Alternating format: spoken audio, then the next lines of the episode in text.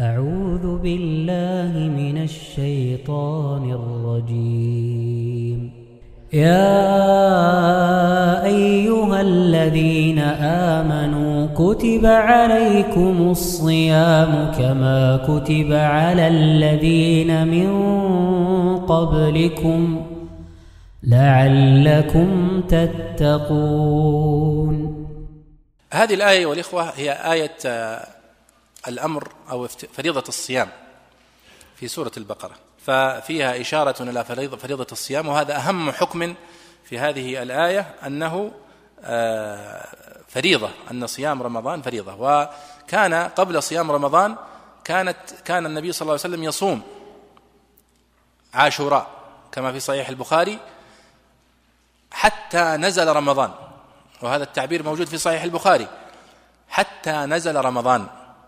أو قبل أن ينزل رمضان. أي قبل أن ينزل فرض شهر رمضان أن أن يصام. فالله يقول يا أيها الذين آمنوا كتب عليكم الصيام. وهذه من أساليب القرآن الكريم في فرض الأحكام. كتب.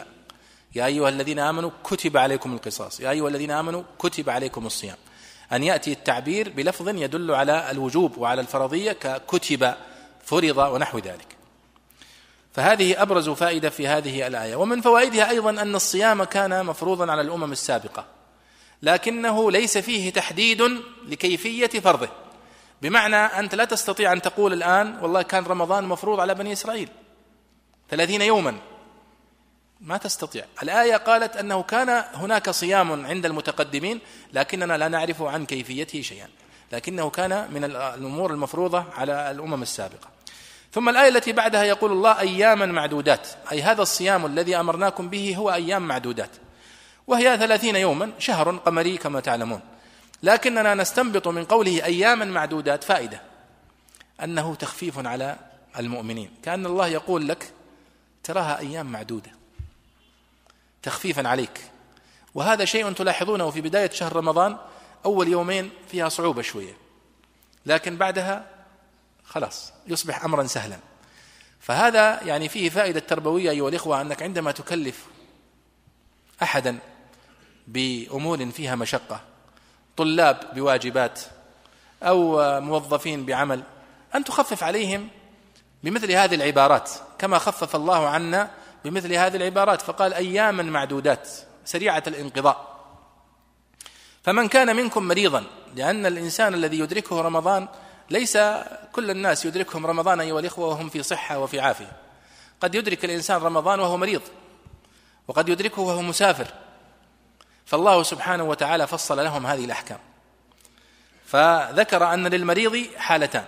إن كان لا يطيق الصوم كان الإفطار عزيمة يجب عليه أن يفطر. وإن كان يطيقه مع تضرر ومشقة كان له رخصة أن يفطر.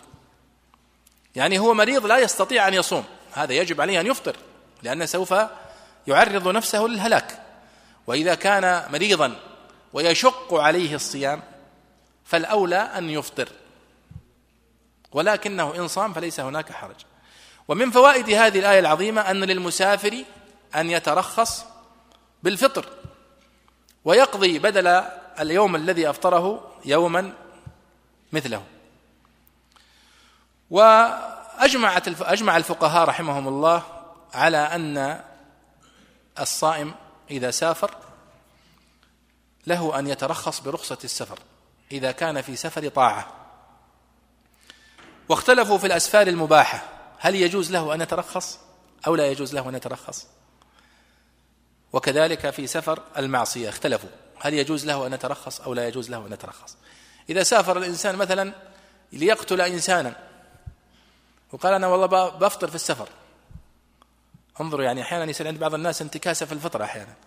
فهو يذهب لكي يقتل مسلما ويعني يتحرج من الفطر في السفر.